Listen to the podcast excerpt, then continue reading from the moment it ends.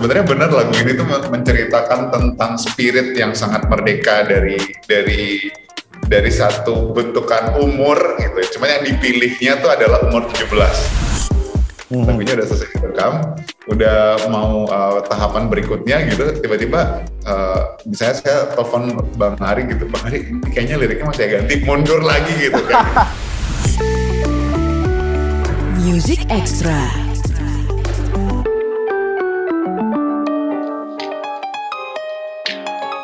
Halo good friends, Music Extra barengan gue Reno Aditya dan Tulus di depan kita yang baru aja merilis single 17. Gue kira tuh ini adalah lagu yang bertemakan kemerdekaan, ternyata bukan ya.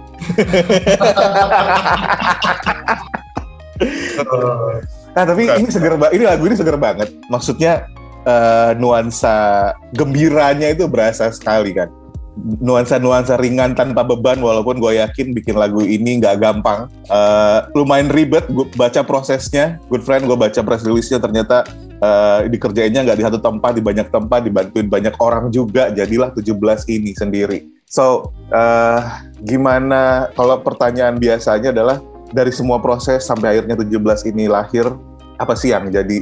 Karena mengingat gini tuh seorang tulus penyanyi Indonesia penyanyi solois pria Indonesia yang kalau menurut gua semua yang lo lempar ke pasaran pasti di uh, makan sama penikmat musik Indonesia. Semua orang pasti akan suka. Ketika lo akan merilis sesuatu yang baru apa sih yang ada di kepala tulus setelah itu gitu? Karena pasti kayak apa sih lagu lo yang gak disuka orang pasti semua orang suka Waduh, ya. amin kalau semua orang suka ya. Iya kan, iya kan, iya kan. Oke, okay. uh, eh, pertama kalau kita ngomongin berarti ini ada ada ada sekitar tiga poin nih. Hmm. Poin tentang, tentang uh, prosesnya seperti apa, terus eh, kira-kira kalau misalnya mau rilis karya tuh uh, guanya pribadi itu seperti apa sebagai eh tapi tadi poin yang pertama dulu eh poin yang ketiga yang bakal gue bahas pertama dulu adalah itu tentang si kemerdekaan. Sebenarnya benar lagu ini tuh menceritakan tentang spirit yang sangat merdeka dari dari dari satu bentukan umur gitu. Cuma yang dipilihnya tuh adalah umur 17 di mana okay. angka 17 itu sendiri memang diharapkan bisa jadi representasi spirit yang sangat merdeka, sangat bebas gitu dan dan lebih lebih apa ya lebih lebih terasa ringan dibanding usia-usia yang sudah sedikit lebih dewasa dari angka itu itu satu terus kalau tentang prosesnya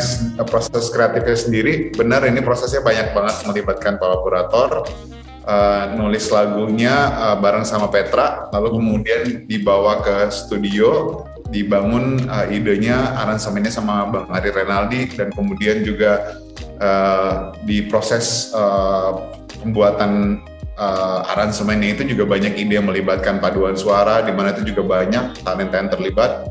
Lalu kemudian dikembangkan lagi, dibangun orkestranya sama Om Erwin Gutawa, di mana ya orkestra itu nomornya juga nomor penggun, nomor pemain musiknya juga sangat banyak gitu jumlahnya. Dan kalau misalnya dilihat secara total, memang terlihat karyanya itu kompleks. Tapi mudah-mudahan harapannya uh, karyanya sendiri tidak terdengar sekompleks itu sehingga nanti yang teman-teman yang mendengarkan cukup menikmati aja tapi kalau mau diselami lebih dalam memang baru akan lebih kerasa oh ini tuh ternyata banyak yang yang membangunnya kemudian baru terasa kompleksitasnya gitu. Mm-hmm. Nah terus tadi yang tentang respons kira-kira gue sebagai seorang penulis lagu dan penyanyi kalau mau rilis karya itu seperti apa? Sebetulnya tidak pernah ada ekspektasi tidak pernah ada ekspektasi. Jadi fokusnya hanya ke apa yang ingin disuarakan, apa yang ingin dilakukan dan uh, dan ya semoga setelah apa yang ingin disuarakan dan dilakukan itu itu mungkin kalaupun ada ekspektasi ekspektasinya hanya itu dapat menyuarakan hati dan perasaan tidak hanya uh, gue sebagai penulis lagu aja gitu. Tapi juga hati dan perasaan semua teman-teman yang mendengarkan gitu. Tidak terkecuali lagu 17 ini. Nah, uh, karena tuh gue yakin setiap orang yang merilis sesuatu berkarya, melahirkan karyanya, dia nggak banyak ekspektasi paling mudahnya adalah diterima sama banyak orang atau dia bisa menyampaikan apa yang ada di kepalanya ya kan. Tapi banyak sekali karya lo yang jadi endemik pada akhirnya. Bahkan lagu yang bukan karya tulus sendiri pun jadi yang lagu yang udah populer dulu gitu. Jadi jadi jadi endemik kayak seribu tahun lamanya ketika lagu ini dibawain sama seorang tulus jadi endemic kemudian apa sepatu kemudian uh, bahkan lagu personal tuh gajah jadi endemik termasuk 17 tahun ini jadi jadi punya potensi untuk jadi yang lagu yang membuat lo merasa muda kembali good friend karena semua orang pengen merasa dan terlihat muda. Kalau udah nggak bisa terlihat, dia akan merasa muda. Dan lagu ini cocok untuk didengerin buat orang-orang yang pengen selalu merasa dirinya muda. Nah, kalau uh, dari semua karya yang pernah lo rilis termasuk 17 ini terus kan sebagai seorang musisi lo nggak cuman bikin lagu buat diri sendiri ya jadi produser juga kalau nggak salah gue uh, pernah interviewan salah satu anak didik lo Dere kemudian banyak sekali penyanyi-penyanyi lain. Nah, pertanyaan gue adalah, kenapa ketika lo merilis sesuatu, membuat karya, masih harus dibantuin sama orang lain? Petra dalam hal ini nih. Kalau Petra beberapa kali ya kerja bareng sama lo ya? Iya, iya. Iya, pertanyaannya bagus banget sih. ya, oke. Okay. Satu dulu nih, tadi jawaban yang sebelumnya tentang ekspektasi kayaknya gue agak sedikit keliru. Mungkin lebih tepatnya ada ekspektasi, tapi hmm. ekspektasinya adalah lagunya gue harap bisa menyuarakan hati juga banyak orang dan merepresentasikan apa yang orang lain rasakan. Tetapi kalau misalnya ekspektasi konteksnya terhadap seberapa banyak yang akan mendengarkan, apakah lagunya akan berkembang ke arah mana dan bagaimana itu nggak ada, itu nggak ada gitu, itu nggak ada di proses kreatifnya itu satu. Terus yang barusan pertanyaannya bagus sih tentang memang memang gue tertarik untuk bisa uh, uh, memproduksi musik gitu ya, tapi um, gue sendiri sebenarnya kapabilitasnya dalam konteks berkarya uh, musik itu uh, tidak seluas itu. Jadi gue menulis lagu uh, dengan penguasaan alat musik yang tidak ada sama sekali, lalu kemudian uh, lebih berfokus ke membangun melodi dan lirik. Sementara di luar itu hanya berupa ide, tapi tidak eksekusi langsungnya secara tadi seperti apa. Jadi bekerja sama dengan produser itu uh, memperluas kemungkinan gue bisa eksplorasi presentasi karyanya seperti apa dan itu juga membuat gue bisa lebih banyak belajar gitu.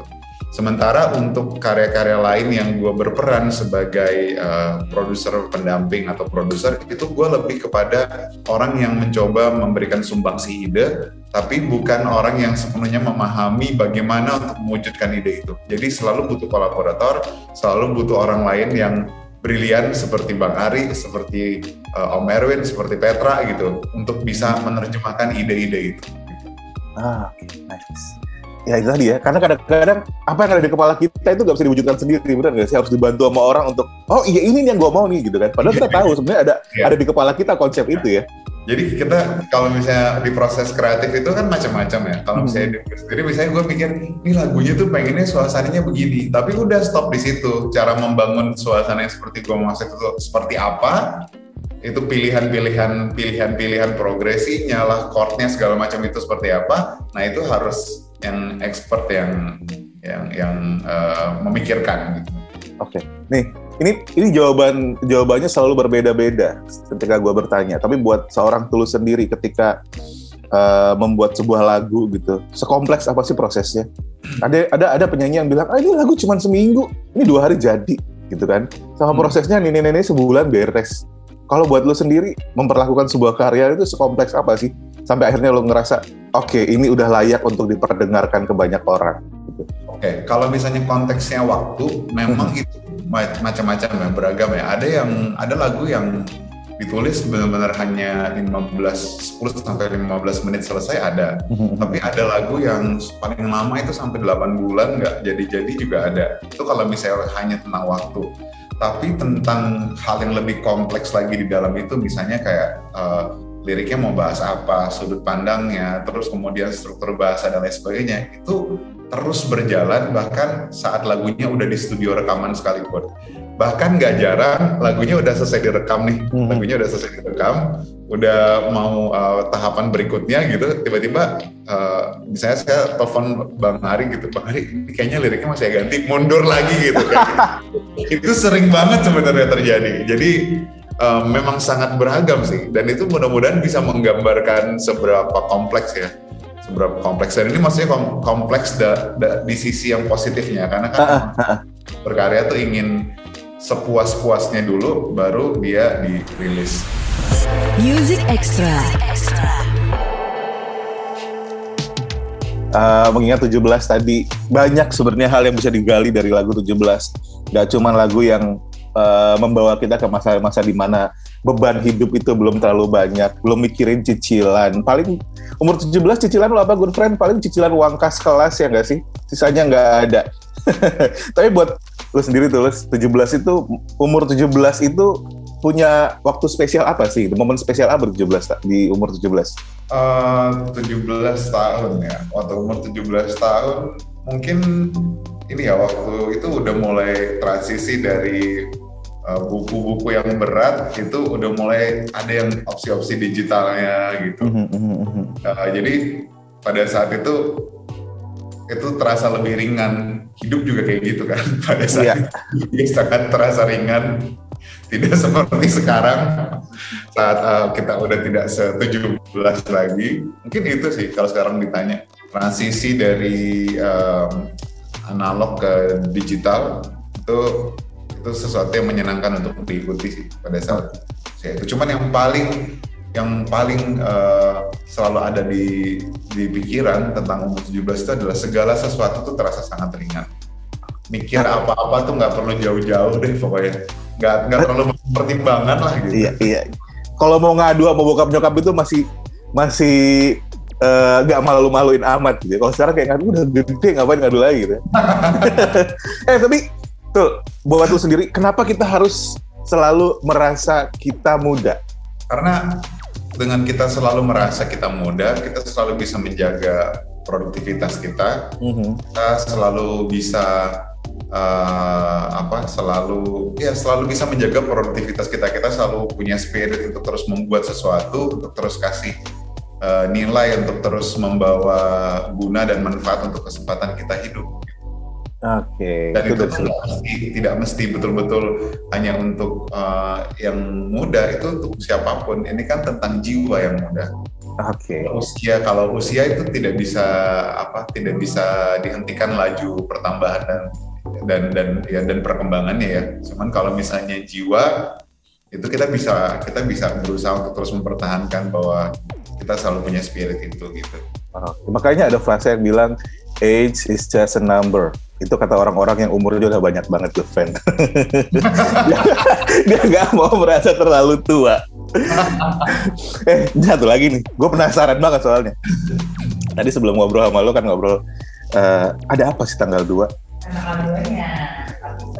Oh setelah tanggal 2 maksud gue ya, setelah tanggal 2 tanggal setelah tanggal 2 ada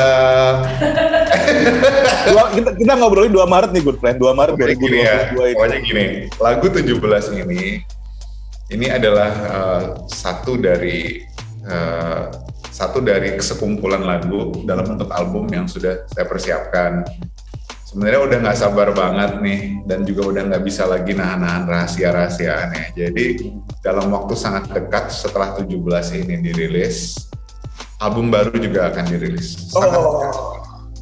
Karena sangat Monokrom 2016, 2016 ya kalau nggak salah ya? 2016 betul.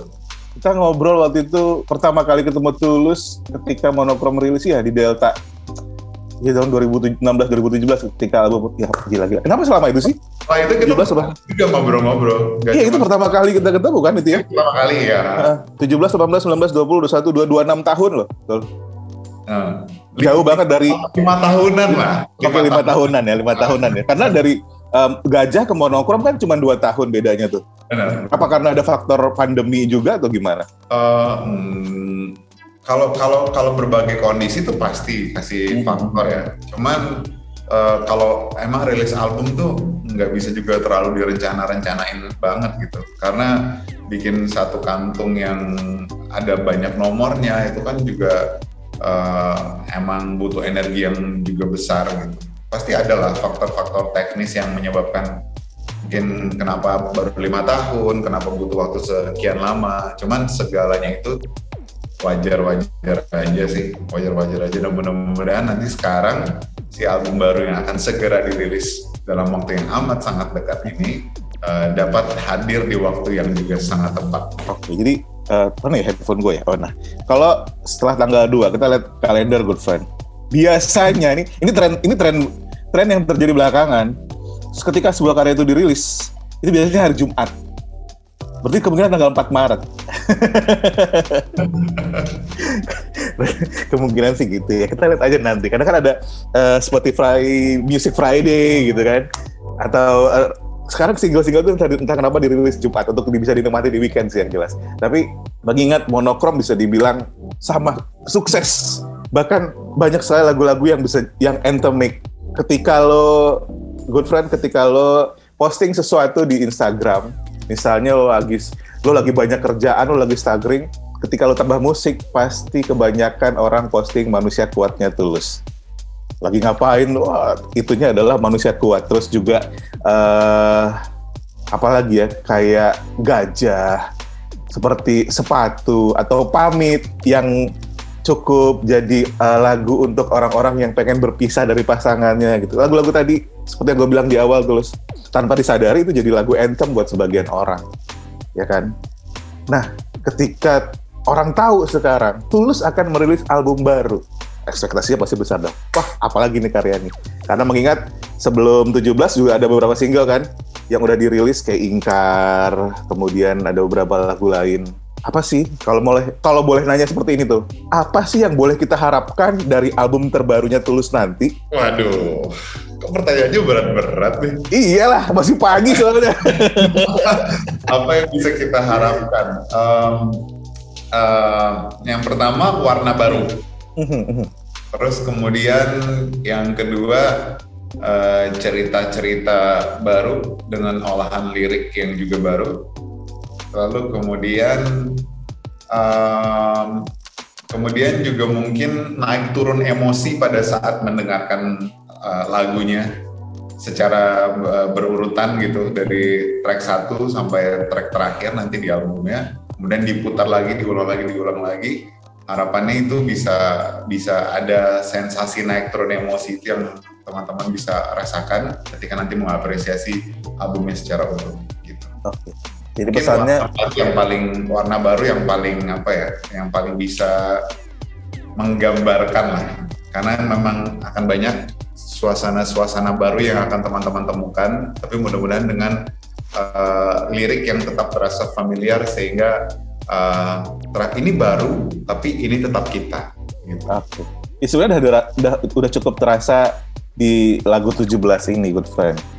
Seperti apa lengkapnya secara utuhnya tungguin nanti setelah tanggal 2 Maret. Pesannya tadi si satu yang paling jelas jangan di shuffle berarti ketika dengerin lagu itu albumnya ya uh, berurutan oke okay, di shuffle pun oke okay. oke okay. karena okay. karena nanti akan beda-beda kan orang orang akan uh, emosinya dia akan temukan sendiri kira-kira tuh naik turunnya seperti apa. Nah, karena lah albumnya. Amin. Seharusnya sih seperti itu karena dari 17 aja sudah membawa kita ke nuansa yang menyenangkan, good friend. Karena lima tahun itu bukan waktu yang sebentar untuk untuk membuat karya baru, membuat album baru.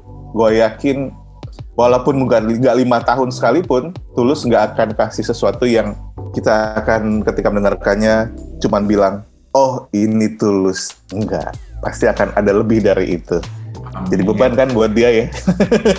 Gak apa-apa, amin. Biar makin semangat, bikin lagi, bikin bikin lagi. Ya, oke, oke. Well, ini kan tulus. Makasih banyak udah mampir ke Music Extra. Makasih banyak. Ini adalah uh, podcaster pagi yang pernah gue tag barengan sama seorang musisi. Tapi menyenangkan karena gue excited, gue pengen gue pengen gue pengen tahu duluan dari lo tentang apa yang akan terjadi di setelah 17 lagu 17 ini. Sementara itu good friend sampai tanggal setelah tanggal 2 lo bisa nikmatin 17 siapa tahu bisa membawa lo ke masa-masa di mana beban hidup itu nggak nggak seberat sekarang. Kita butuh itu soalnya ya.